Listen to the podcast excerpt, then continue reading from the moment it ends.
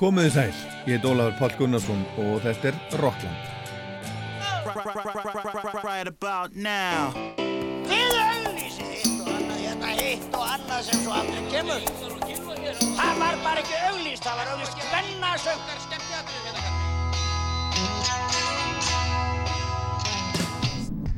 Hvað gerir kvöld? Kíkja á tónleikana? Ekki? Það er ekki beint fyrir mig að vera innan um einhverja brjála úlinga. Hvað mennur þau?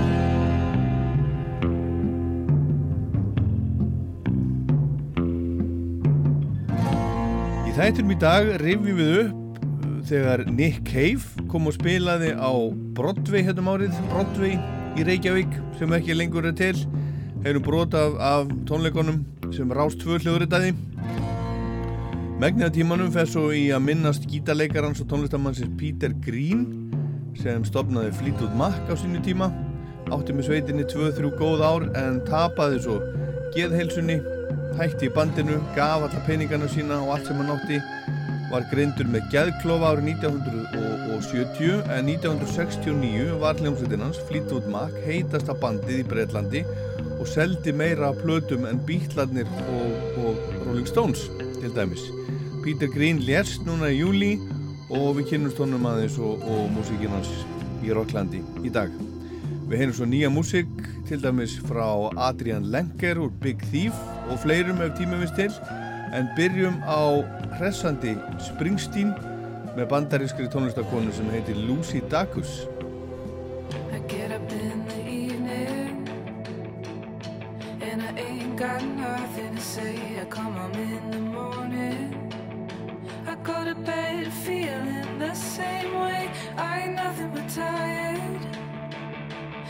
I'm just tired and bored with myself. Hey there, baby. I could use just a little help. You can't start a fire. You can't start a fire without a spark. This gun's for hire. Even if we're just dancing in the dark.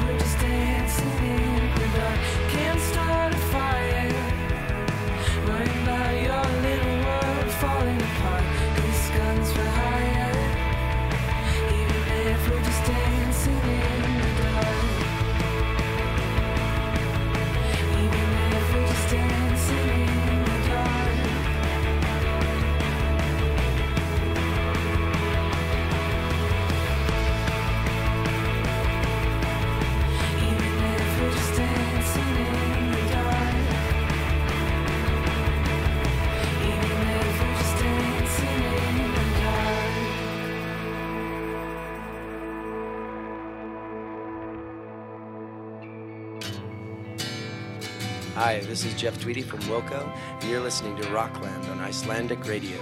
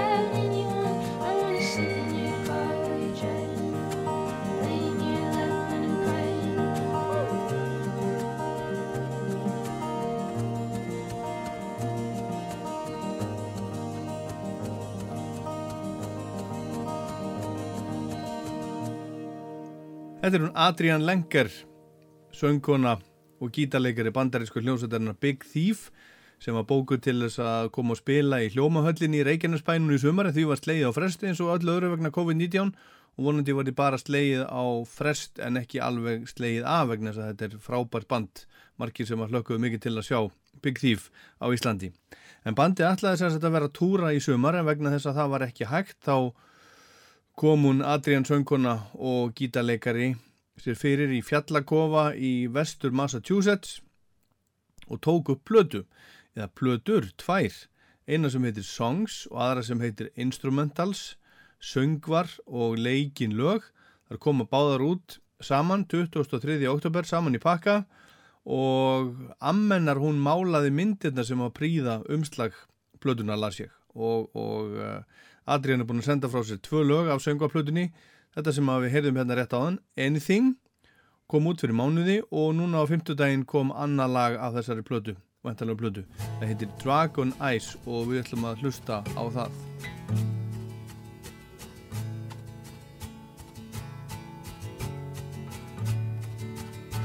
Freezing the edge of the bed, chewing a cigarette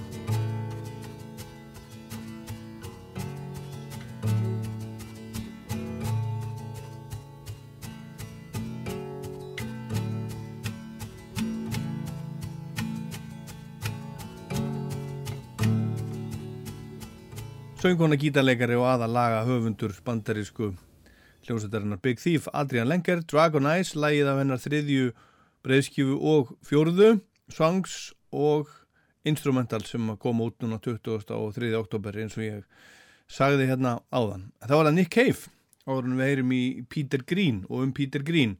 Í júni síðastliðin hjælt Nick Cave tónleika í höllinni flottu í London Alexandra Palace.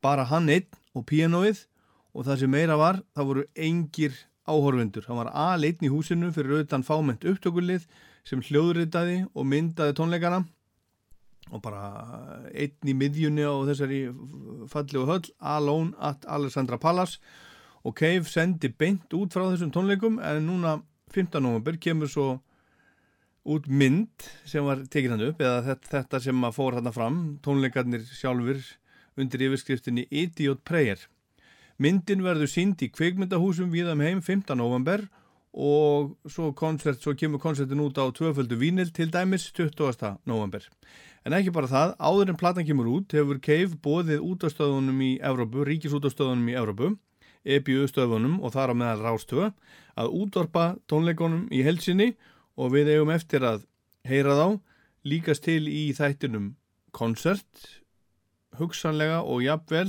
og líklegast 50. skvöldið 15. november. En núna með við býðum eftir því skulum við rifja upp tónleika einstaka tónleika Nick Cave á Broadway í Reykjavík í desember 2002 fyrir 18 árum síðan. Hann spilaði tvö kvöldi röð, smekku uppselt bæði kvöldin, Rást 2 tók bæði kvöldin upp, þeir Pállers Guðmundsson og Jan Múrdóma, hljóðmenn út af sinns þá, heyrum þrjú lög frá fyrra kvöldinu, 9. desember og heyrum hann hérna, hann gengur inn á sviðið með sínum önnum, Warren Ellis á fiðlu, Jim White á trommur og Norman Watt Roy á bassa. Thank you.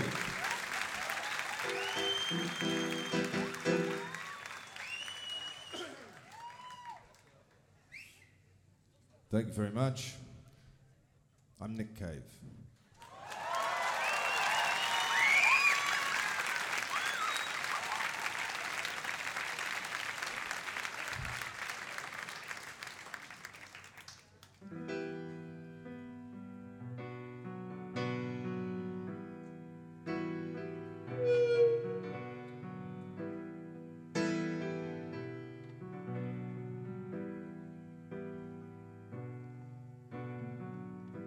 Began to warm and chill to objects in the fields. A ragged cup and a twisted mop. The face of Jesus in my soup. Those sinister dinner deals. A meal trolleys, wicked wheels, and a hooked bone arising from my food. All things good or ungood. And the mercy seat is a waiting, and I think my head is a burning.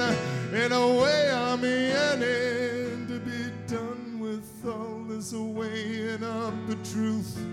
An eye for an eye and a tooth for a tooth, and I got nothing left to lose. And I'm not afraid to die.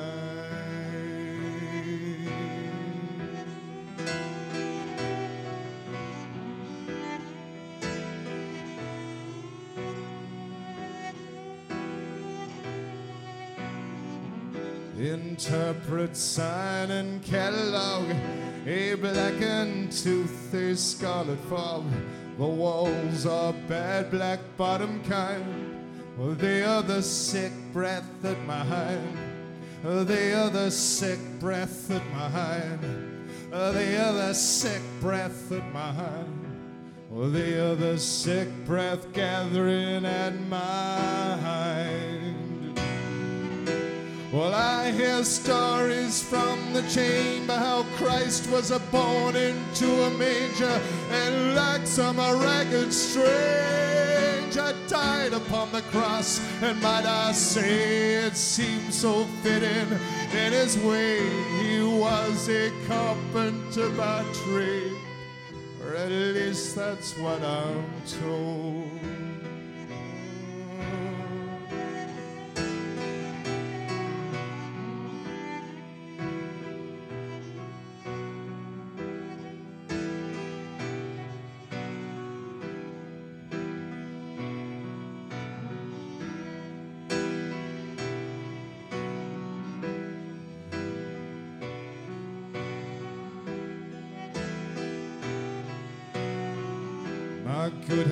Tattooed evil across his brother's fist. That filthy five did nothing to challenge or resist. In heaven his throne is a made of gold, and the ark of his testament is thrown. A throne from which I'm told all history does unfold. Down here it's a made of a wooden wire, and my body's on fire.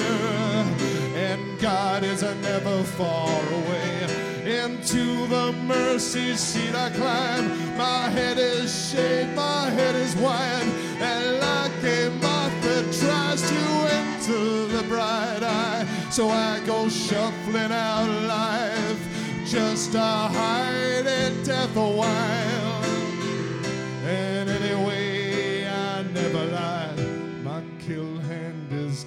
evil. Where's a wedding band that's good? Tis a long a suffering shackle, coloring all that a rebel blood. And the mercy seat is a waiting, and I think my head is a burning. In a way, I'm a yearning to be done with all this weighing of the truth. An eye for an eye and a tooth for a tooth. And anyway, told the truth, and I'm not afraid to die. And the mercy seat is awaiting, and I think my head is smoking. In a way, I'm hoping to be done with all these looks of disbelief. An eye for an eye and a tooth for a tooth. And anyway, I told the truth and I'm not afraid to die. And the mercy seat is awaiting, and I think my head is boiling. In a way, I'm spoiling all the fun by all these looks of disbelief. An eye for an eye and a tooth for a tooth, and anyway, they got no proof. And I'm afraid I told a lie.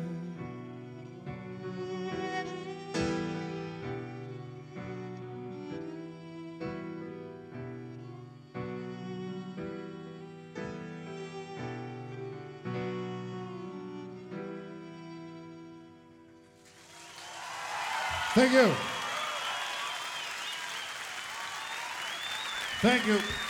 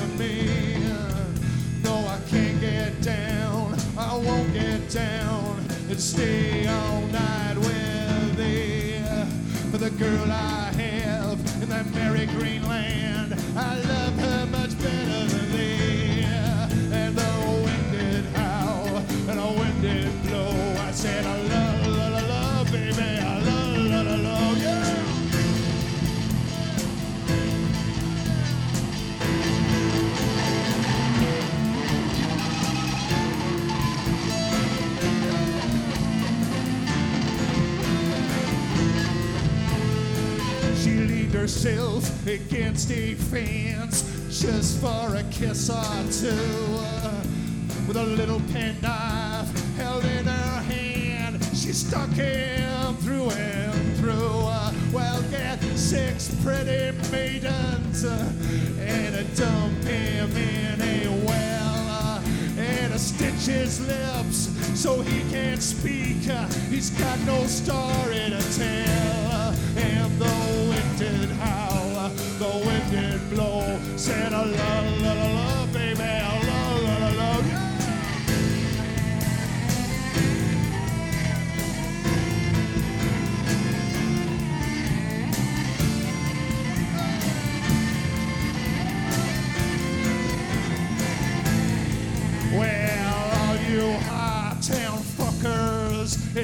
suits and in your ties.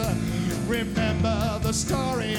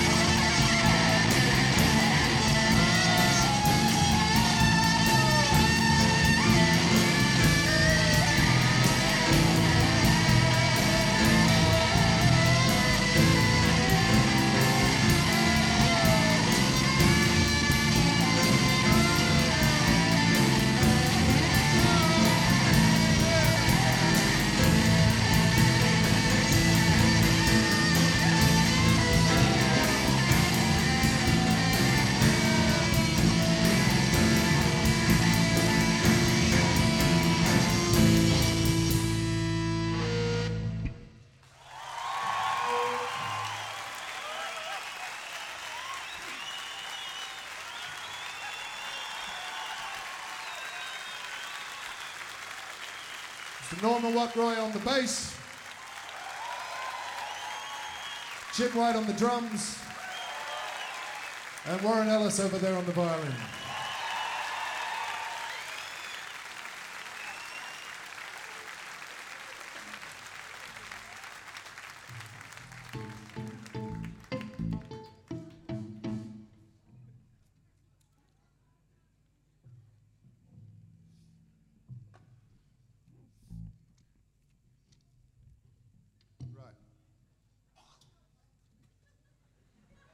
Excuse me.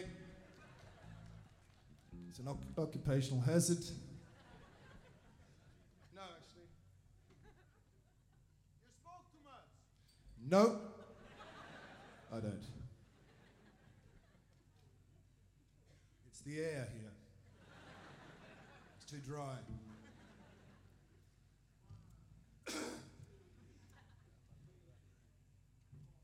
okay, this one's gone down big in America.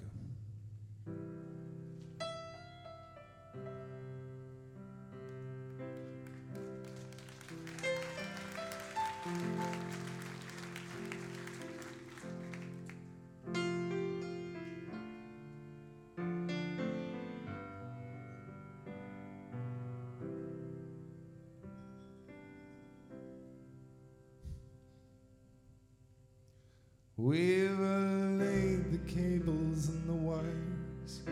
We've split the wood and stoked the fires.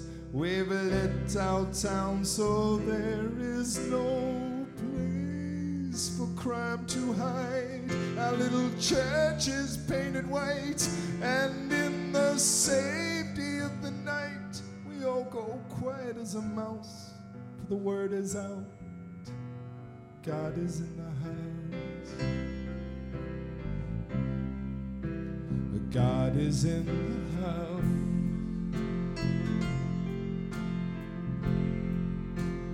God is in the house. No cause for worry now. God is in the house.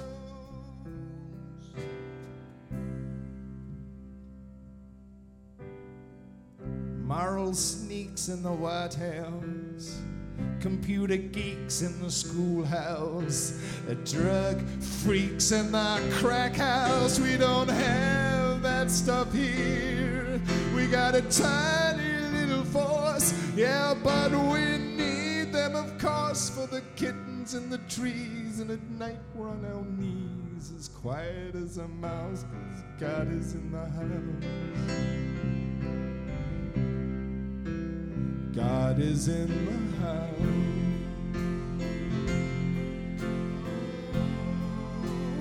God is in the house. Now no one's left in doubt. God is in the house.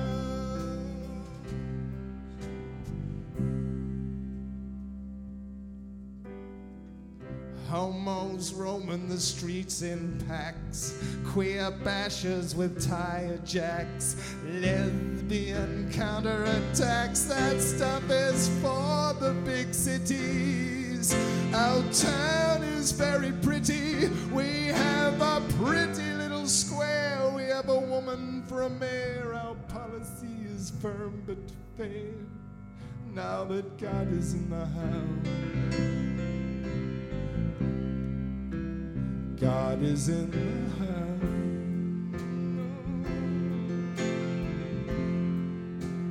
God is in the house. Any day now he'll come out. Yeah, God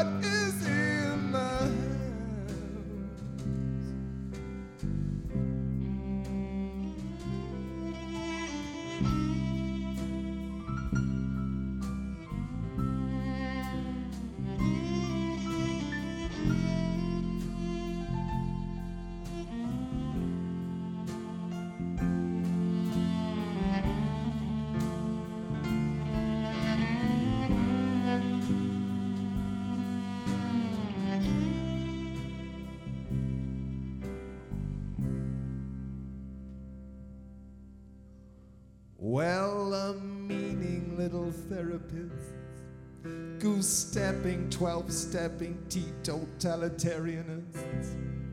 Well, the tipsy, the reeling, and the drop down pissed. We got no time for that stuff here. Zero crime and no fear, and we bred all our kittens white so that you can see them in the night. And at night we're on our knees,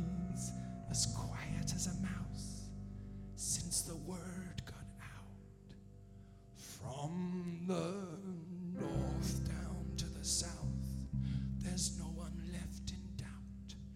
There's no fear about. If we all hold hands and very quietly shout, Hallelujah.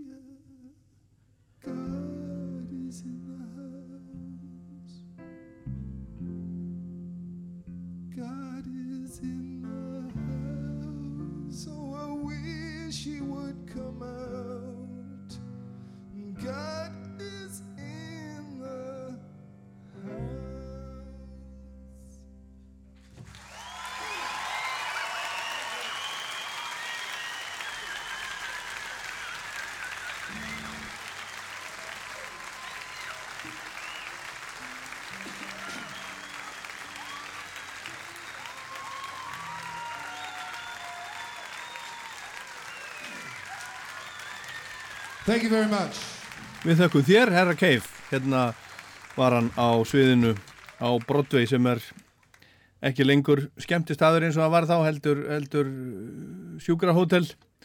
Spilaði þarna Mercy Seat, Henry Lee og God is in the House. Þetta er upptaka rása 2 frá tónleikunum, fyrir tónleikunum og tveimur sem voru þarna í desember 2002. Þetta er 9. desember, fyrra, fyrra kvöldi. Fáum meira af Nick Cave heila tónleika, Nick Cave í Alexandra Palace, Idiot Prayer, Alone at the Palace, Alexandra Palace, uh, 5. november í þættunum koncert. Hello, this is Lee Ronaldo from Sonic Youth, and you're listening to Rockland on Rouse Tour.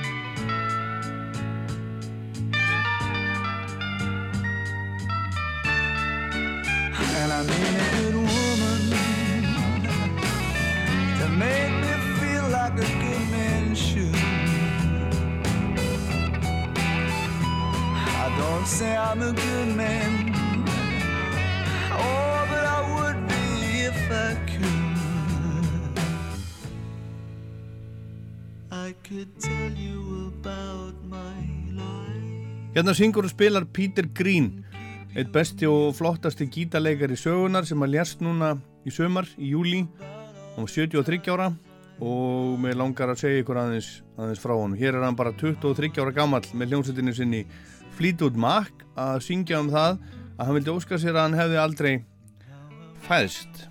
Svolítið sérstætt komandi frá svona ungu manni, 23 ára gamlum. Þetta kom út á lítilli plötu árið 1969. Ég var líklega svona 12-13 ára þegar ég heyrði fyrst minnst á þennan náunga, Peter Green. Og þá var hann Steini, nágrænu minn sem að bjóði næsta húsi við mig sem að saði mér frá honum, hann var og er svo litið eldri en ég nokkur árum og ég var heitlaður af Angus Young, nýbúin eignast fyrsta rammaskítara minn sem var eftirlíking af Gibson SG gítar Angusar sem Steina fannst alveg flottur og flinkur en Peter Green er betri, saðan að minnst kosti lifir þetta svona í minningunni hjá mér og hann saði mér aðeins frá þessum gaur og spilaði svo eitthvað með, með gömlu hljómsveitin hans sem hann var þá löngu hættur í hljómsveitinni Fleetwood Mac sem þá var þekkt fyrir allt annað en það sem Peter Green gerði með Fleetwood Mac sem var fyrst og fremst blues og svo allskins æfingar í aðra ráttir þegar komið var framundi logtímabils Peters í bandinu. En Fleetwood Mac var fyrst og fremst blues hljómsveit í upphafi og hétt uppálega Peter Greens Fleetwood Mac. Hann vildi svo breyta því en þetta var frábær blúsljónsett og gítarleikarinn Peter Green þótti koma næst á eftir sjálfum Hendrix hvað var það snild í gítarleik en þeir voru þarna á toppnum í Breitlandi svona Jimmy Page, Eric Clapton, Jeff Beck og Peter Green og svo Hendrix bandariski kongurinn sem að bjó í Englandi. Peter Green var allavega einn af þessum stóru sem hafði mikil áhrif á gítarleikara og tónlistamenn sem eftir honum komu, frábær gítarleikari með sérstatt sound og, og stíl en það má ekki gleyma því að hann var líka frábær söngvari og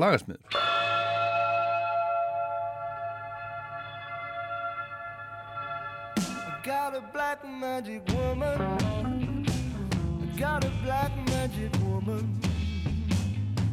Yes, I got a black magic woman. Got me so blind I can't see. That she's a black magic woman and she's trying to make a devil out of me. Don't turn your back on me, baby. Don't turn your back on me, baby. Yes, don't turn your back on me, baby. You're messing around with your tricks. Don't turn your back on me, baby, cause you might just break up my magic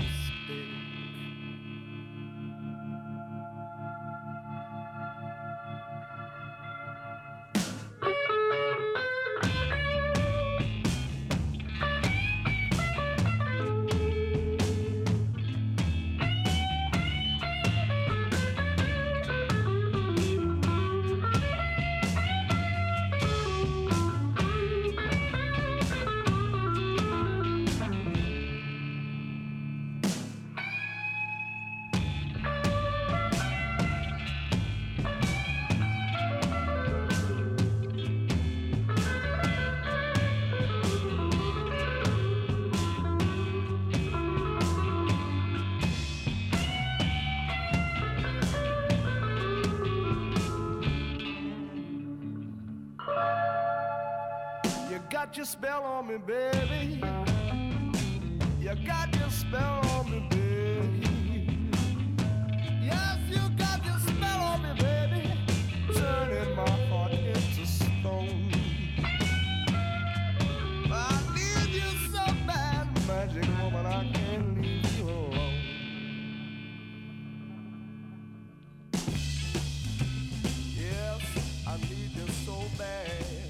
Hann þarnast hennar alveg svakalega mikið, I need you so bad. Þetta er Peter Green með Fleetwood Mac, lagi Black Magic Woman sem hann samti og kom út á lítið plötu í mars 1968 og vakti smá aðteglin á því 37. sæti bröðskafinsættalistans.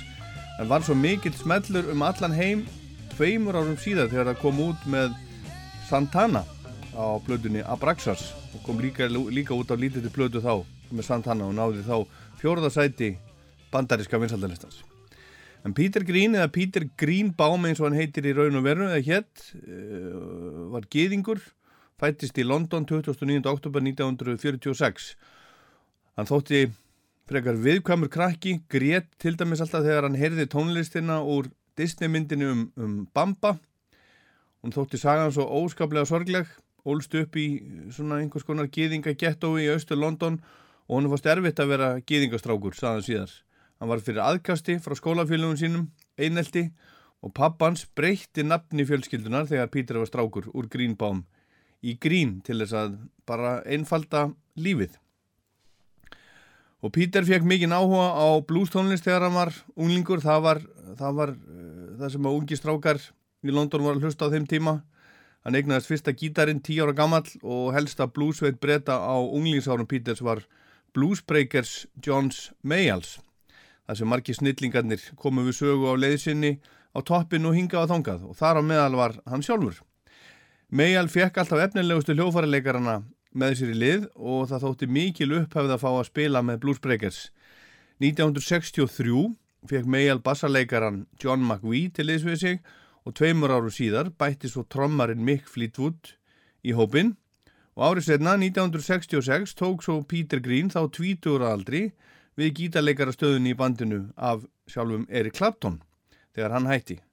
Þeir þrýr á samt öðrum gítarleikara, Jeremy Spencer sem var undir miklum áhrifum frá slæt gítarleik manna eins og blúsarana svarta Elmore James stopnuðu svo Fleetwood Mac árið 1967. Það er að segja John McVie, Mick Fleetwood, Peter Green og Jeremy Spencer.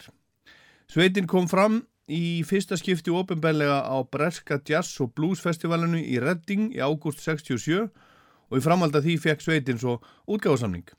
Plötur hljómsættarnar gengur vel í fólk og með lögum eins og Black Magic Woman eftir Peter sem herðum á hann, Need Your Love So Bad eftir Little Willie John og fleirum var Fleetwood Mac einn alveg vinsalasta hljómsveit Breitlands og aðeins átjá mánuðum eftir stopnum sveitarnar seldust fleiri plötur með Fleetwood Mac í Breitlandi en Beatlarnir og Stones seldu til samans.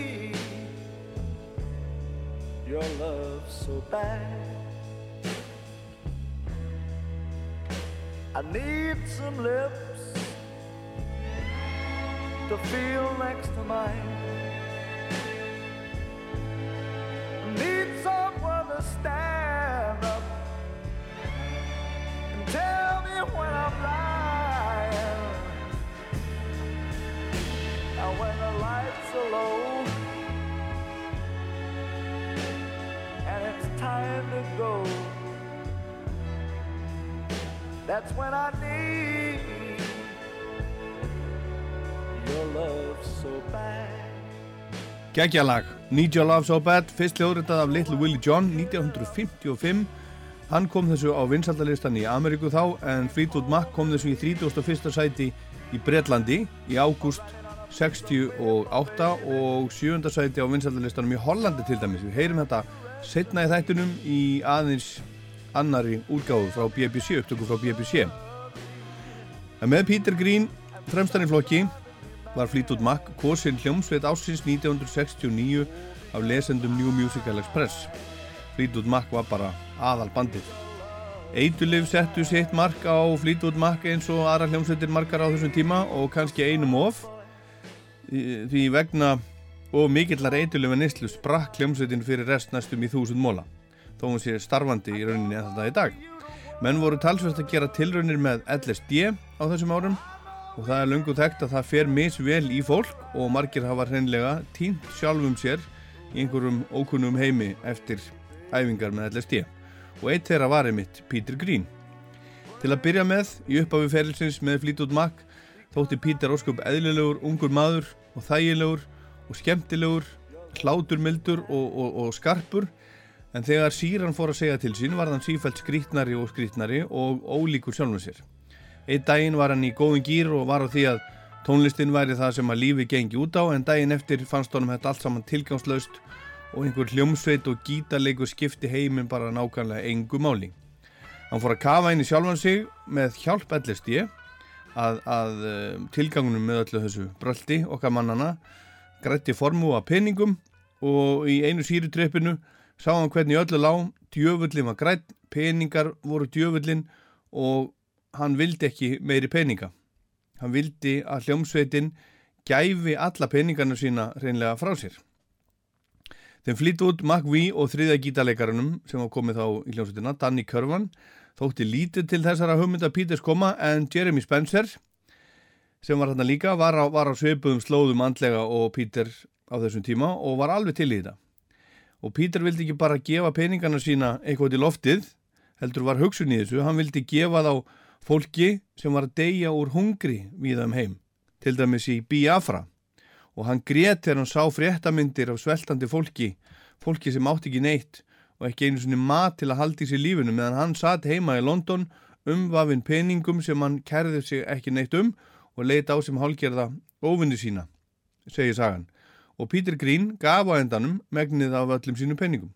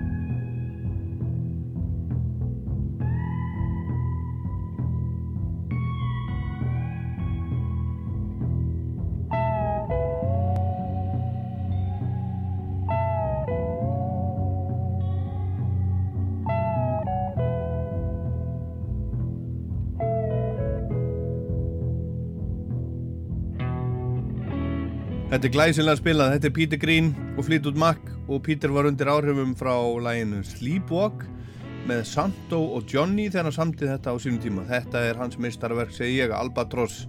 Albatrossin svífur stór og mikill hátt upp í himninum og horfir á okkur mennina. Þetta kom út á lítilli blödu í november 1968 og fór allar leið í toppsæti Breskalistans, náði fjórðarsæti í Ameríku. Hljómsveitin var sem sagt vinsælli og vinsælli, sífælt og Pítur var stöðugt óhamingjusamari og óörugari um sjálfan sig og hljómsveitina. Hann var skindilega mjög, mjög trúaður, tók kristna trú, giðingurinn og held jafnvel um tíma segja sumir að hann væri frelsarin, kom fram á tónleikum í kvítum kubli og með stóran kross um hálsin og á þeim tíma er sagt að hann hafi mikið notað ofskinnuna lifið meskalín. Loks var hann um nóbóðið og, og, og hann gati þetta ekki meir og hann tilkynnti hljómsveitinni 11. apríl 1970 að hann væri bara fríka út og væri hættur. Hann kærði sig um þessa bölvuðu fræð og alla þessa peninga sem hrúðust yfir hann stöðut og flýt út makk var þarna á túrum Evrópu og þeir félagan hans grátt báðanum að klára túrin með þeim svo þeir eru ekki kærðir fyrir samningsbrott og það gerðan og 20. og 4. mæ 1970 spilaði með Fleetwood Mac í síðasta sinn eða svona næstu því komið því eftir.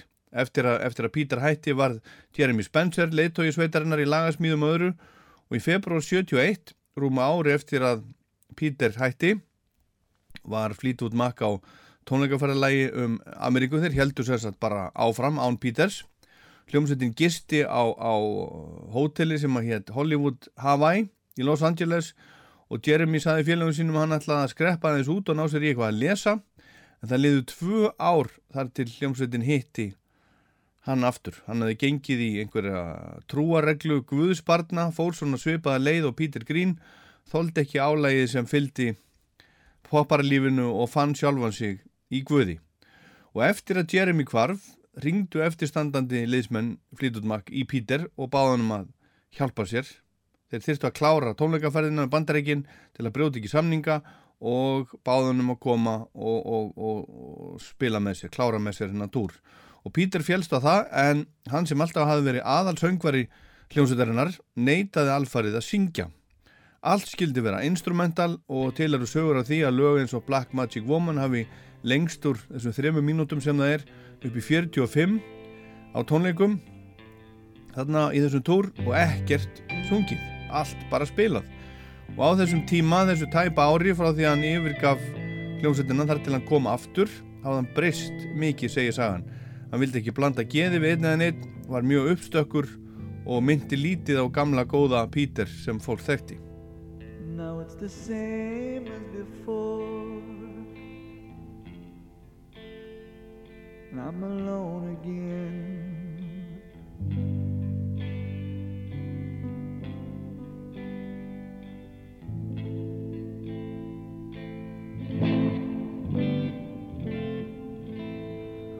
No sorrow for myself. And I'm blaming no one else.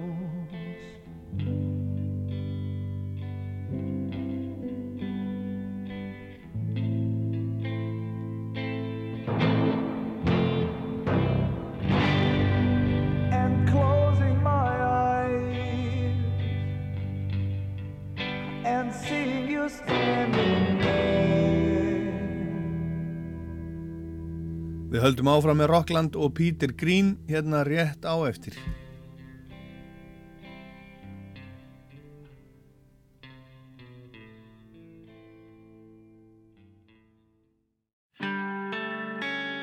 Hej, det här är Peter Svensson från Korgen och du lyssnar på Raust Tvö på Rockland.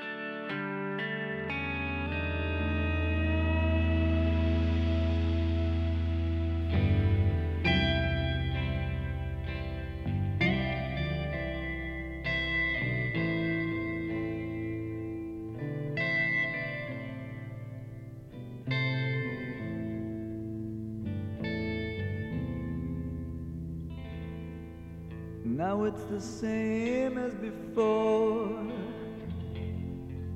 You touch me with your love.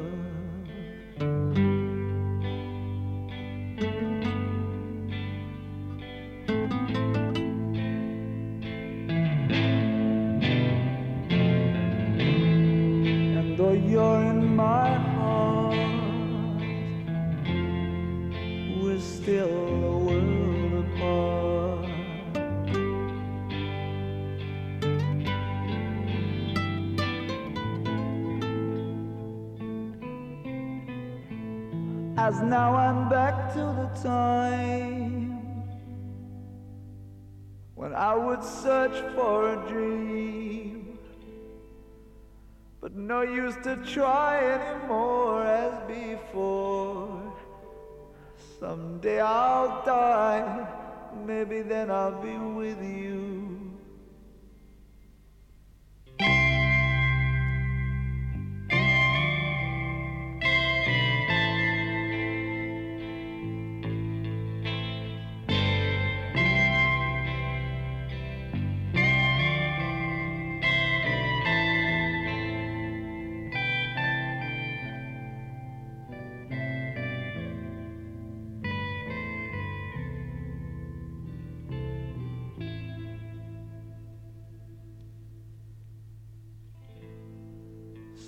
Closing my eyes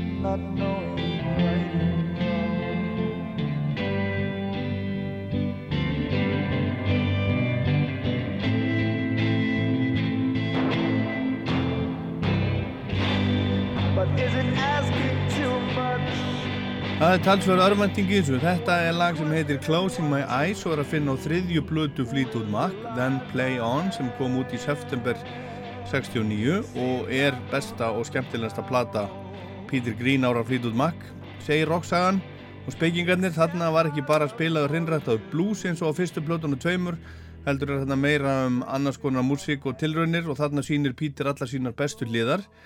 En þarna var hann bara orðin veikur á geðinu var í frábæri spilaformi en hann hafði verið að gera tilraunir með LSD og hann átti eftir að segja frá því viðtölum síðar að LSD hafi bara breytt öllu hjá sér. Eftir að hann kynntist því breytist allt og hann varð aldrei aftur samur. Pítur var, var greindur með geðklofa strax árið 1970. 1972 var hann sanns að laungu hættur í Fleetwood Mac og var bóðin gítarleikara staða í hljómsveit sem að hétt Stone the Crows eftir að gítarleikara þeirrar sveitar fekk raflost og dó. Svo leiðis gerðist á, á, á þessum tíma. Tveimu dögum fyrir fyrstu tónleikana ringdan og sagðist ekki geta þetta. Setna sama ár fór hann svo til Ísrael til að búa sagðist vilja vera hjá sínu fólki hjá geðingum og árið eftir 1974 kom hann aftur til Englands og tóka sér hinn og þessi störf sem heimsfrægir popparar voru kannski ekki og eru kannski ekki vanir að inn á hendi. Var um tíma gardirkjumadur í kirkjugarði aðstofmaður á rannsóknustofu á sjúkrahúsi og fleira slikt en tóldi hverki lengi í einu. Hann átti eiginlega hverki heima og, og þvældist á milli gamalla kunningja fekk að sofa nótt og nótt hér og þar. Og til dæmis hjá Snowy White gítarleikara þinn Lizzie þeir voru góðir kunningjar og vinnir og þá var það þessu tímabili sem að Pítur ákvaði að gefa honum allt sem hann átti. Alla plötunum sínar, gítarinn sinn, gamla segulbandsuptökur með sér að semja lög og ímyndslegt fleira en svo stuttur setna kom Pítur aftur og sagðist til að fá, fá dótið sitt sem hann var hættu við að gefa honum það. Fekk snóið til að keira sig í einhverja búð þar sem var verið að selja svona gamalt dót og, og gaf búðinni allt rastlið. Gaf það sem sagt í annarsinn.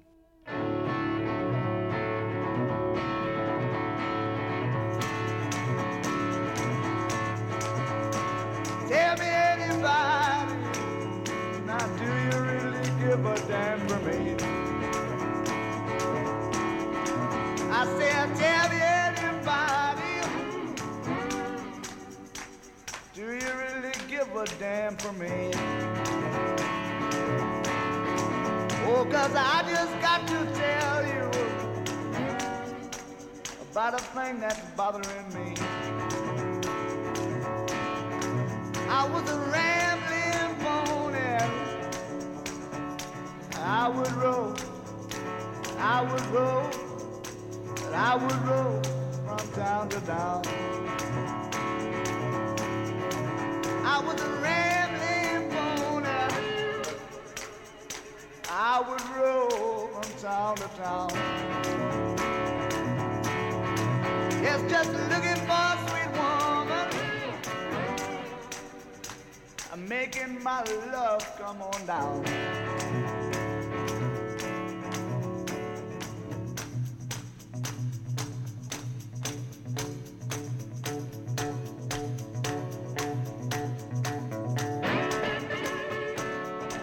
Þetta lag er eftir okkar mann, tekið af Then Play On plötunni frá 1969 og heitir Showbiz Blues.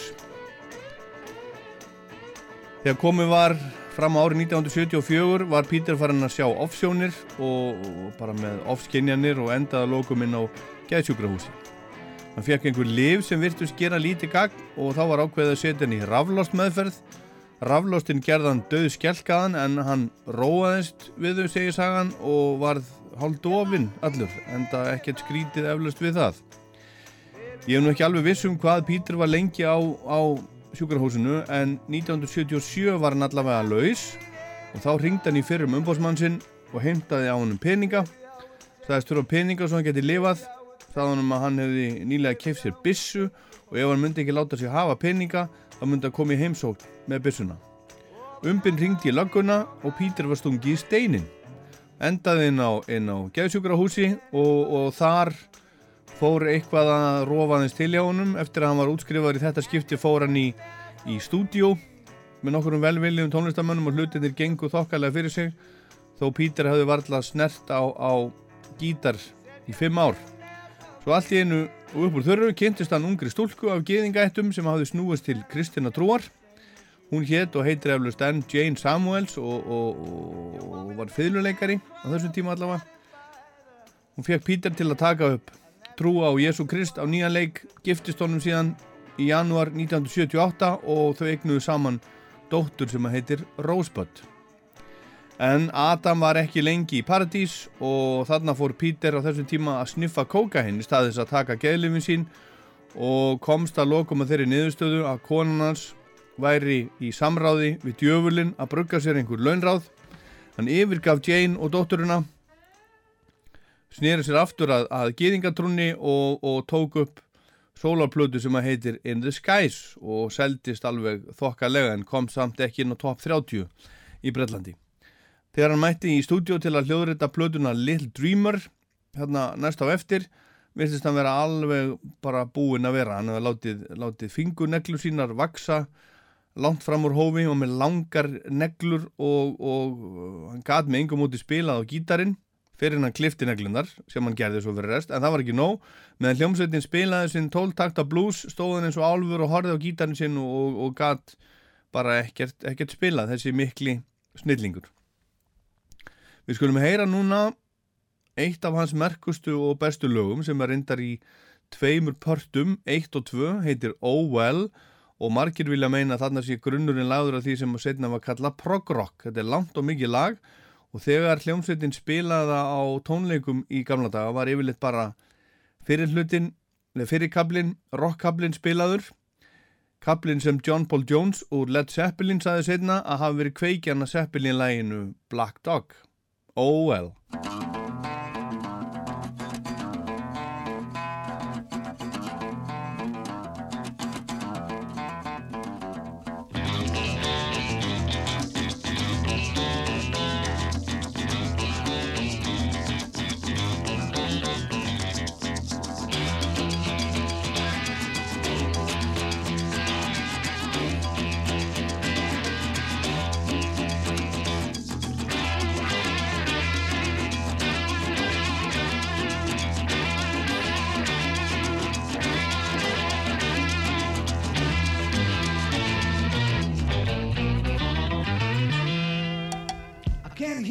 Shape I'm in. I can't sing, I ain't pretty, and my legs are thin. But don't ask me what I think of you. I might not give the answers that you want me to.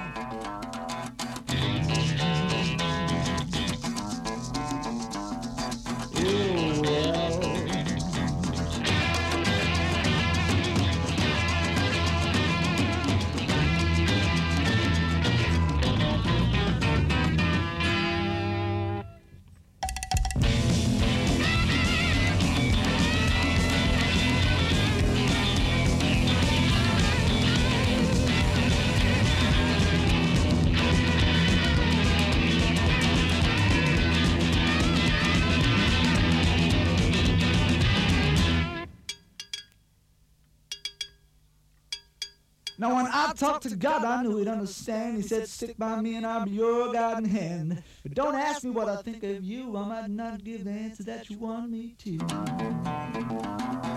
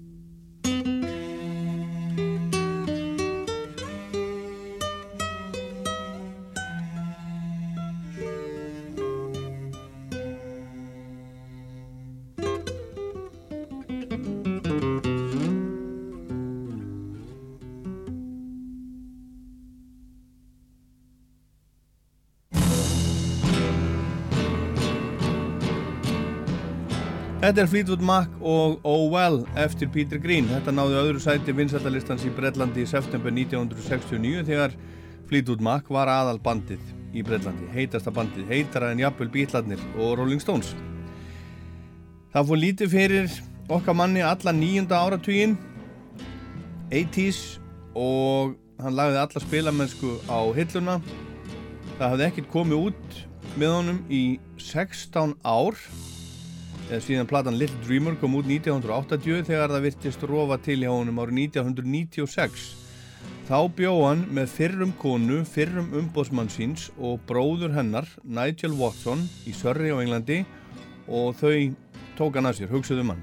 Hann tók pillurnar sínar, gælifin sín og byrjaði að spila aftur eftir öll þessi ár en neitaði að spila gamlu slagarana, sagði að blúsinn dræði hann svo mikið niður, blúsinn væri svo stór partur af öllum sínum vandamálum í gegnum tíðina og þar að þau ekki kynnu kvítir menn ekki að spila blús almenlega en B.B. King saði reyndar um Peter Green á sínum tíma að hann var í eini eini, eini blúsanir sem að uh, hann fengi gæsahúð við að hlusta á og, og B.B. King var helsta fyrirmynd Peter Green en okkar maður var á því að, að þeir hefði ekki reynslu kvítumennir sem þyrti til þess að spila blús En Peter Green, Nigel Watson, trommarinn Cozy Powell og Neil Murray bassalegari skipuðu bandið hans sem hann setti saman og hann kallaði Peter Greens Splinter Group og frá 1997 til 2003 senda hann frá sér einar tíu plötur.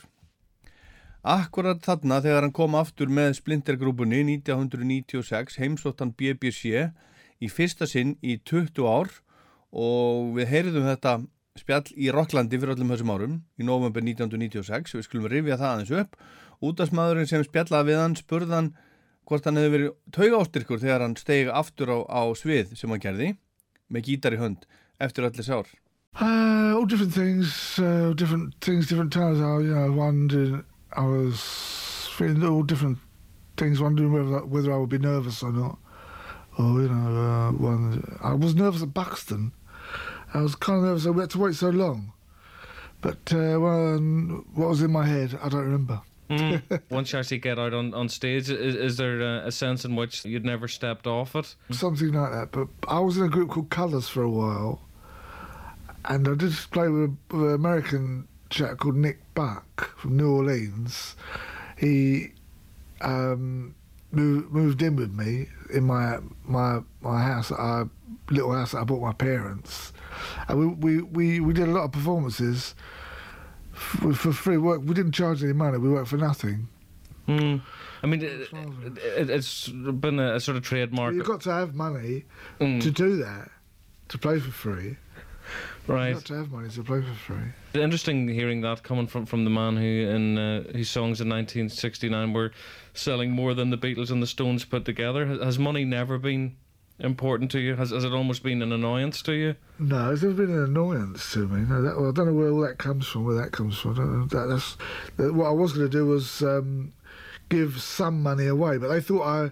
They seemed to think I wanted to give all my money away, and uh, they did. They give. Um, they gave it all away. well, they told me that wasn't it? But then I was checked into going into a psychiatric hospital and having tranquilizer, and I had they gave me ECT in there as well for over, overindulgence in LSD, and um, I couldn't really get back from it. I couldn't really get back, even to this day. I'm still, you know, like star-studded about it. You know, I'm still amazed. I, I, I still, I could still drift onto it, and um, it's kind of a very heavy dream. You know, tranquilizer and. Uh, ECT was against my will. I said, no, I don't want that. I don't want that. You know, so they kind of insisted I had it. I, I didn't know what I was there for until so many years. Just recently, I, I, I, it came to me. I must have been there for drugs. You know, could it possibly be true? You know, that I was there for drugs. Is it that? Is it that uh, solution that simple, that good? You know, who would have thought it? Because I didn't know what I was there for. Já, hérna. Já, Peter, hann saðist hafa verið dálítið tögóstyrku þegar hann byrjaði að spila aftur eftir þetta langa og mikla hlje en svo bætt hann við og hún maður eiginlega fundist að hann, hann hefði aldrei hægt að spila. Hann spilaði með einhverjum lít tektum náungum um tíma og alltaf frýtt en til að geta spila frýtt verður eiga eitthvað að peningum saðan. Og eins og ég sagði á þann þá seldi Fleetwood Mac fleiri plötur árið 1969 en Rolling Stones og Beatlarnir samanlagt. Og varandi peninga þá hafa þeir aldrei verið neitt fyrir mér. Ég veit ekki hvaðan svo sagði komin saðan ég vildi gefa hlut af peningunum mínum á sínum tíma en þeir sem um þá sáu heldur ég vildi losna við alla og þeir gáfu alla peningana mína. Eða þeir sögðu mér allavega þeir voru búin að gefa þá alla. Og svo var ég plataðurinn á gæðsugrahús og þar var dælt í mig róandi livjum og ég settur í raflost meðferð sem ég kærði mig ekkert um ég vildi ekki taka þessi liv og ekki fá þessi raflost en, en fekk þetta, þetta allt samt. Ég vissi ekki hvern, hvers vegna ég var lokaðar hérna inni fyrir en bara núna. Nýlega þá áttaði ég mig á því að líklega hefði ég verið þarna vegna eitilöfjana og, og hugsaði með mér, já allir það sé rétt. Kætið það verið ástæðana, dópið hafi leitt mig þarna inn, er þetta ekki flóknara en það? Menn hafa oft talað um það að Pítur hafi sagt á svonum tíma að gítarin væri verkfæri djöfulsins og gítarin hafi gert hann geðveikan. Hann var ekki sammála um það þarna árið 1996 þegar hann var 50-ur. A guitar's a guitar, isn't it? Yeah. Mm. So, what was the thing that that got uh, the young Peter Green to um, pick up the guitar in the first place? My Uh, brother gave me the guitar. He got he had a little one, a little Spanish guitar, and uh, when he got a bigger one, he gave me the small one, and then he gave me the bigger one, the Hofner, the big brown, gigantic thing it was to me. Well, it wasn't gigantic, but it was a beautiful thing, you know. Lovely, marvelous. Big semi-acoustic thing was it? No, acoustic, no Oh, electric. oh, acoustic. All acoustic, Senator, Hofner Senator. A brand new thing, and um, quite marvellous. It was made a beautiful sound. Too good for skiffle, but they said he said, you know, you can use this for skiffle, and um, he gave me. He he couldn't get on with with with music to my knowledge. If he did, he's doing it in the dark. But um, he gave me this. Then he gave me this Hofner Senator, and it had a pickup put on it, Right. so I could play electric. And a few of the boys around uh, the Masonettes where I lived in Putney, they had guitars. Well, one had a guitar, and he took me to to meet these other people, and um, there was a guy called Mick Maynard. I remember he had an electric guitar, and he was pretty good at playing lead. You know, it was nice. He was really interested in what his lead was. I can't remember very sure. I'd like to see. I'd like to see him again nowadays. He was playing before, well, long before me. You know, so he should be still at least as good as that. yes, exactly. Because you've you've taken a few more breaks can't, than he I'm not even as good as that yet. You, you were hot enough though to to um, badger um, John Mayall to, to let, let let you into the Blues Breakers because you reckoned you'd wipe the floor He's with, like, with when all he says comers. that, he's having when he says that he's he's, he's needling he- he's tickling me, you know. Yeah. John Mayer wouldn't let anybody in the Blues Breakers that wasn't that he wasn't interested in letting them stay for. I mean, I don't think he would let them stay for a reason. I think he thought, as uh, what we used to say, you know, he said you'll get experience from from this.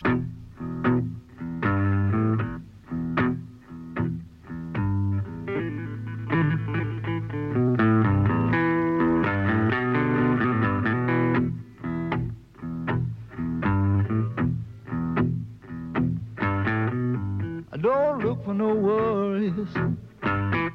Worries and troubles come around. I don't look for no worries. Worries and troubles come around. World keep on turning. Got to keep my feet on the ground.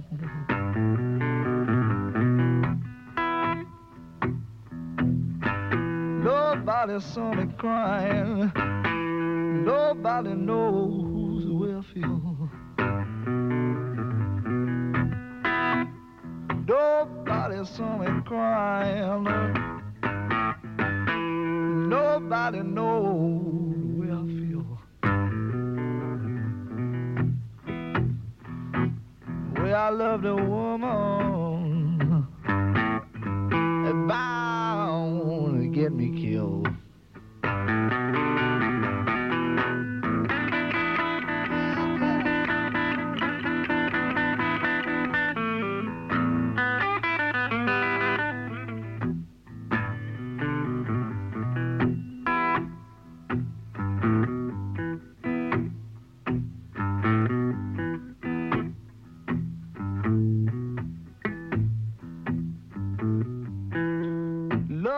Hér er Peter Green bara einn að spila. Þetta er upptaka frá BBC frá 1968 eða 9 lagið Mean Miss Sweden Mama.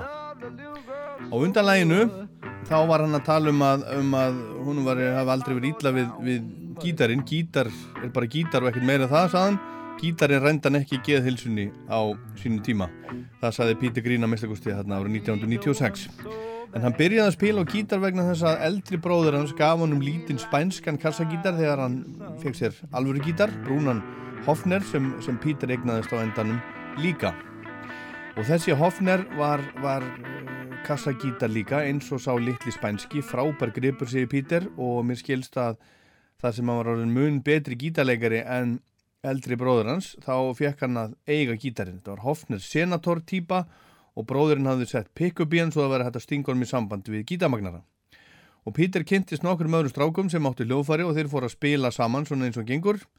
Og Pítur þótti nógu góður til að leysa sjálfan Eric Clapton af í Bluesbreakers John Mayall. Hann byrjaði að spila með honum bara þegar hann var 19 ára gammal og Mayall tók engan inn í hljómsveitinu sína sem hann var ekki hrifin af og vildi láta verið einhver tíma, saði Pítur og enginn fekk pláss í Bluesbreakers sem var ekki góður og hann heldur að Mayall hafi hugsað sem svo Já, þeir fá reynslu út úr þessu strákanir. Pítur ætla núna að segja okkur aðeins frá því hvað hann ætlaði að leggja fyrir sig í upphafi þegar hann var strákur, áður en hann fór að halin peninga með gítarleik og söng. Well, it's uh, one of those things that goes back to working class, working. Um, when you when you're at school, you've got to choose an occupation, and I uh, well, an occupation that was physical work. So I would be a little bit on the strong side of things, on the strength, on the uh, physical side of things, rather than uh, behind a desk. So I, decided to be. I ended up to be a bu- in a butcher shop anyway, and my mum, said to me, um, "If you you, want to go, you want to get a job with food, and you'll never be out of work," she said. So I ended up doing a, a job in a butcher shop. And my brother Lenny used to, my oldest brother, the one who gave me the guitars, he said, uh, yeah, I don't know, don't know whether he was, uh, they were an investment or not, the guitars, you know, and I was supposed to bring in some money for him, you know, or what, I don't know, I hope he's not listening to this. But anyway, uh, we don't discuss it, but um, I'm very, very grateful. Well, I can't believe that I, that I don't have to go work anymore. It's stupid, you know. I, I to say thank you the other day. Thank you for our freedom. I've heard someone say it before, for our freedom. You know, people people who come and watch us and, that, and buy records, stuff like that. It's marvelous. Not not having to go to work is is really marvelous. It's unbelievable. Þegar maður er í skóla kemur að þeim að vera að velja sér starfsvettvang og á sínum tíma valdi ég að vinna með líkamannu frekar en að sitja baku skrifbór á skrifstofu og endaði í vinnu hjá slátrara í kjötverslun, saði Peter Green hann í þessu viðtali við BBC 1996. Hann saði að mammans hafi alltaf sagt að ef maður inni við matvælaframleyslu þá þurfti maður aldrei að hafa áhyggjur af atvinnuleysi og þess vegna valdan þessa leið. Og Peter saði þarna fyrir öllum þessum árum að, að bróður hans sem gaf honum gítarina hafi í að aði á sínum tíma að með því að gefa honum gítarina hafa hann verið að fjárfesta í bróður sínum að hann ætti að draga Björg í bú með gítarspili og hann hló og sagði að þeir væri hættir að ræða þetta bræðunir og hann sagðist vona að bróður hans var ekki að hlusta á útarpið þegar hann sagði þetta. En það sagðist er afskaplega þakklátur fyrir að þurfa aldrei að vinna framar á æfinni og að það væri hálf klikkað að geta bara leikið sér í músík og þurfa aldrei að mæta í almenlega vinnu. Þakkaði bróður sínum frelsið og virtist bara vera nokkuð sáttur við lífið og tilveruna. En þetta lag sem við heyrum núna sló nú aldeilis í gegna svona tíma, heyrðum það á þann með strengjum og, og, og öllum græðum sem Pítur var ekkert sérstaklega hrifin af, hann var ekki mjög hrifin af útsetningunni. En þessu upptakar sem við heyrum hér er gerð hjá BBC á þessum tíma og er án allra strengja og live, lag eftir Little Willie John. Heyrum við dáðan, heitir Need Your Love So Bad. Need someone's hand to lead me through the night. I need someone's arms to hold and squeeze me tight. Now when the night begins, oh, I'm at an end because I need your love so bad. Need some lips that feel next to mine. Need someone to stand up, to stand up and tell me when I'm lying. Now when the lights are low, mm, it's time to go. That's when I need your love so bad. So why don't you give it up, baby, and bring it home to me? Or write it on a piece of paper, woman, so it can be read to me. That you love me and stop driving me mad. Oh, because I need your love so bad. Need a soft voice just to talk to me at night. Want you to worry, baby. I know we can make everything alright. Listen to my plea, baby. Come on, bring it to me. Cause I need your love so bad.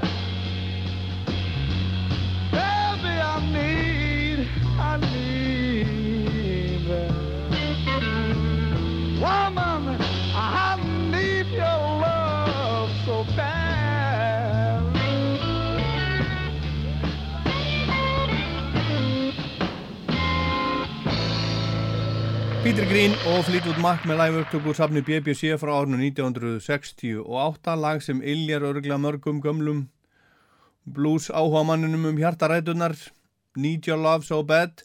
Í september hefti breska tónlistarblæðsins Mojo árið 1996 var löngrein um Peter Green og viðtal við hann einni þar sem að kom fram að hann virtist fylgjast vel með. Hann sagðist vera hrifin af Soundgarden og Nirvana og sérstaklega sagt hann vera hrifin af Björk.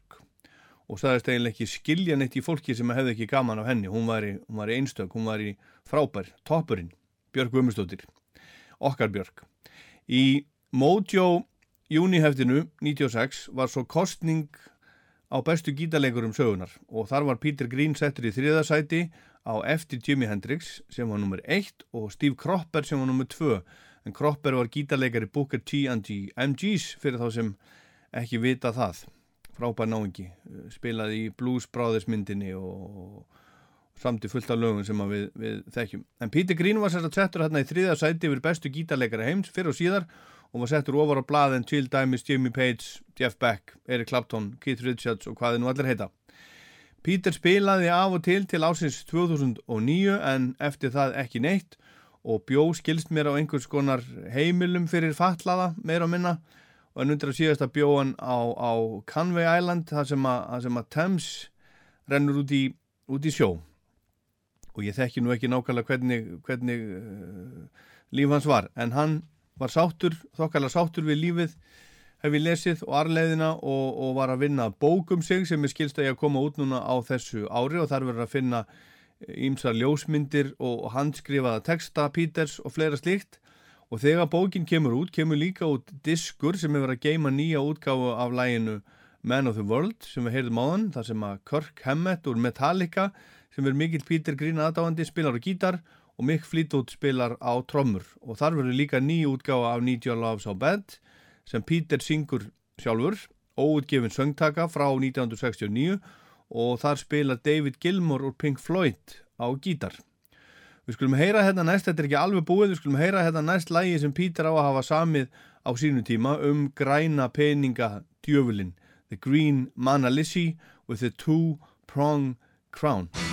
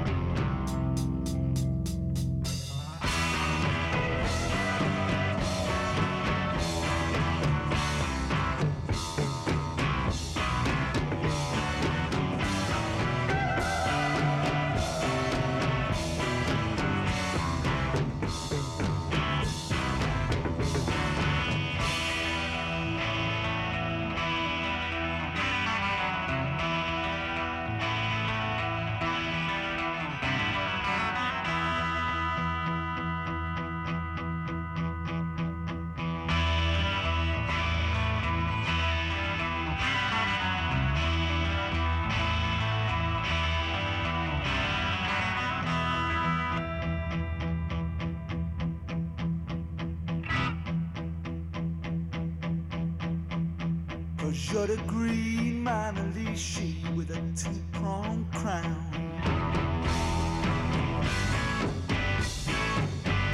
All my trying is up, all you're bringing is down.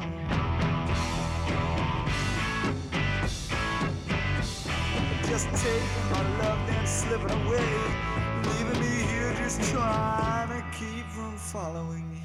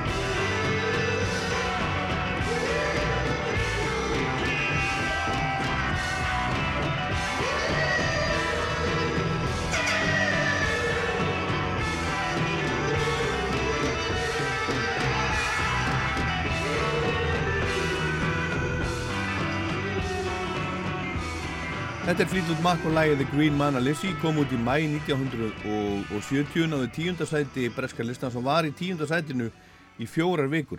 Og þetta var síðasta lagið sem að Peter Green gerði með Fleetwood Mac. Björgvin Gíslason er samtímamaður Peter Green og einn af okkar allra bestu gítarleikurum, hann er á, á línunni, Sæl Björgvin. Uh, sæl, samtíma, ég veit að Píti Grím var nú eitthvað aðeins. Hann er aðeins eldri, aðeins eldri en þú, en svona, en já, ég, var, ekkert að móðga þig. Nei, nei, nei, nei, nei, Nei, nei, nei. það er bara gaman að vera meðar þessara kalla, sko. Já, en má, má, sko, ég fór að hugsa, hver er nú, hver er nú svona íslenska, íslenski, íslenskasti uh, Peter Green sem að við eigum og þá, þá einhvern veginn komst þú upp í hugan, þá er ég ekki að tala um, sko, að, hérna, kannski uh, svona á andlega sviðinu heldur bara sem gítarleikari, eða, eða hvað myndið þú segja við því? Og nei, ég veit ekki. Jú, jú, hann hafði áhrif á mann, örglega. En, en hérna, það voru margir aðri gítarleikara líka sem að voru, voru á þessum tíma. aha, Finnur Stefán stætti mér ju bara strax já, í ómönnum. já, Axel Einarsson, nýláttinn. já, Uh, já, já, það var fullt af, fullt af flottu gítarleikurum. Gunni haf, Þórðar, Gunni Þórðar, ekki glemma honum. og hafði Píti Grín áhrif á, á, á alla þessa, þessa menn? Alveg öruglega. Alveg öruglega, því að Fleetwood Mac var stórt band, mikið band og, og hérna, já, hafði öruglega mikið áhrif. Já. Spilaður eitthvað af, af þessu sjálfur? Og jú, Já, að, ég er alveg klára því. Ég, ég var mjög ungu þegar ég fór að reyna við Stömbul. já, Það ætli ekki verið svona 15, 16 ára, 16 ára, 15-16 ára þegar ég var að reyna með Stömbul sem að var á hérna, Hard Road, John Mayer plötu, já, Hard Road, þar sem Mhm. að Píti Grín var náttúrulega aðluturki já, já, og já, já, ég, ég reyndi við það. Við vorum með, við vorum með lítið blúsband þarna 69, Halli Þorstens og, og Óli K8 og ég og gerðum sjónvastátt, það var ábyggilega og örgulega fyrstu sjónvastátturinn sem var svona blues þátturinn sem var gerður. já, já, Það var sögulegur að því leitin að, að, að ég meina, hann var tekin upp sem það hljóða mynd í einu. já, það er ekki þekst áður. Nefna hvað að við vorum þar með öruglega ekkur lög af plötu sem að hétt uh, Then Play On eða eitthvað svolítið. Já. Then Play On. það er þriðja, þriðja flýtut makkplatan. Já, hún er alveg geggjuð svo plata. Já, hún er svolítið öðruvísi heldur en fyrstu tvær. Fyrstu tvær eru svona meiri hreinræktaði blues, Já, en þessi er svona fer meira út og, út og suður. Þarna uh, myndi ég nú segja að, að svona væri nú uh, svona hápunkturinn á ferli Píti Grín, sko. Já, þú segir nokkuð. Ég var að skoða þetta í gerkvöldi og það er eins og Pétur hafi bara ekkit verið að spila svo mikið á þessari plötu. Hann samti þarna nokkuð lög og spilaði jú, en þetta var, var rosalega mikið Da- Danny Körvan og, og, og, og hann þarna Jeremy Spencer. Já, já, Peter Green var, var bara ekkert, það var, var ekki svo mikið á þessari plötu. Nei, hann var- hann En, var- en mér finnst það skrítið reynda sko já. uh, og, og svolítið fyrðulegt. Hann var svolítið orðin, hann var orðin svolítið, þarna strax farin orðin svolítið, uh, svolítið lasinn. Já, er það, já. Já. Það getur verið, já. Var í fínu spilaformi en hann var ekki svona, hann var, hann var, hann leið ekki vel, sko. Já, það getur, það getur verið skýringin á þessu. Já. En hann átti náttúrulega lög á þessari plötu og, og samti þarna eitthvað. Uh, hann náttúrulega gullmóla, það var náttúrulega svolítið á undan, Albatross kemur þarna svolítið á undan. Já, Uh, Black Magic Woman, ég man ekki hvernig það kom. akkurat, það kom hann undan líka. Já, og svo er annað sem er alveg gullfallegt lag sem að er bara eitt af mínum uppáhaldslu og það er hérna Men of the World. Akkurat. Manst þetta því falleg, ægilega fallegt lag. Heyrðum það hérna fyrir, fyrir þættinum. Já, já. Og þar er hann bara, þar er hann 23 ára gammal og segja bara, ég vildi að ég hef aldrei fæðist. Já. Já. Þetta var sérstakt, sérstakt, sérstakt líf. En, en hvað áhrif myndur þú segja að, að Peter Green hafa haft bara á Íslands tónlistarlíf á sínu tíma? Fyrir, fyrir öllum Eh, þessum árum. Svakalega mikil ári ábyggilega. Ég man að Steini Magg, hann, hann tók óvel lagið. Ég man að hann sönga mér þessu líka. Já, já. Og já, öruglega, ég en það, sko, á þessum tíma er svo óbúslega margi gítarleikarar sem eru sko, svakalega stjórnum, við erum að tala með Jimi Hendrix, við erum að tala um Peter Green, við erum að tala með Eric Clapton og alveg fullt af öðrum.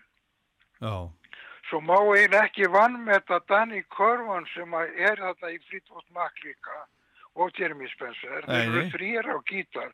Danny Corvan hefur verið glettilega góður. já, já. Allir mjög flinkir. Já, Já. En hvað myndur þú segja að hafi, hafi svona einkent uh, hans stíl? Það er að segja Peter Green. uh, veit það ekki. Soundið, hann var náttúrulega alltaf með svolítið sérstætt sound uh, sumstæða þegar maður heyrir hann þarna eins og til dæmis á, á John Mayer plötuna Hard Rock þar er hann með svolítið svona hreint hreitna heldur en vannalega sko Já. og, og, og setna Hann gaf ekki mikið fyrir gítarleikari sem að spila margar nótur? Nei, var það ekki? Nei. Var ekki, hann var ekki hrifin af þeim? Nei. Nei, nei. Þetta var svolítið mikið kapplöf stundum. Já, já. Ah, Já, já. Já, já. Herðu, þetta er nú bara svona. Herðu Björgur, mér langaði bara rétt aðeins að, að fá innlegg frá þér í, í þennan þátt. Já, bara þakka fyrir að, að, að hérna muna til mér. Það, ég man alltaf eftir þér. Já, já, þakka. Alla daga. Ha. Takk kærlega fyrir spjallið, það var það gott. Takk svo mjög. Já, bless, bless. Bless, bless.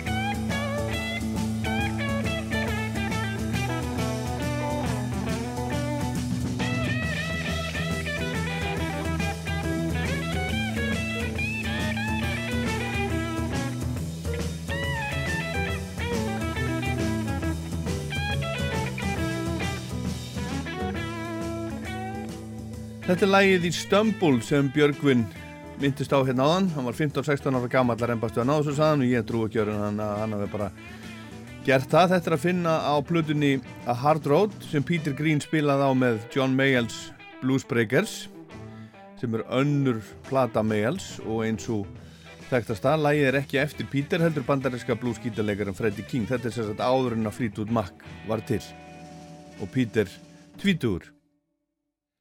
Núna í februar á þessu ári stóð Mick Fleetwood, gamli félagi Peters úr Fleetwood Mac fyrir tónleikum, Pítil Heiðus í, í Palladium tónleikahúsinu í London þar sem hinn og þessir tóku ofan fyrir þessu mikla meistara. Og þeirra á meðal voru, voru David Gilmore sem spilaði Albatross.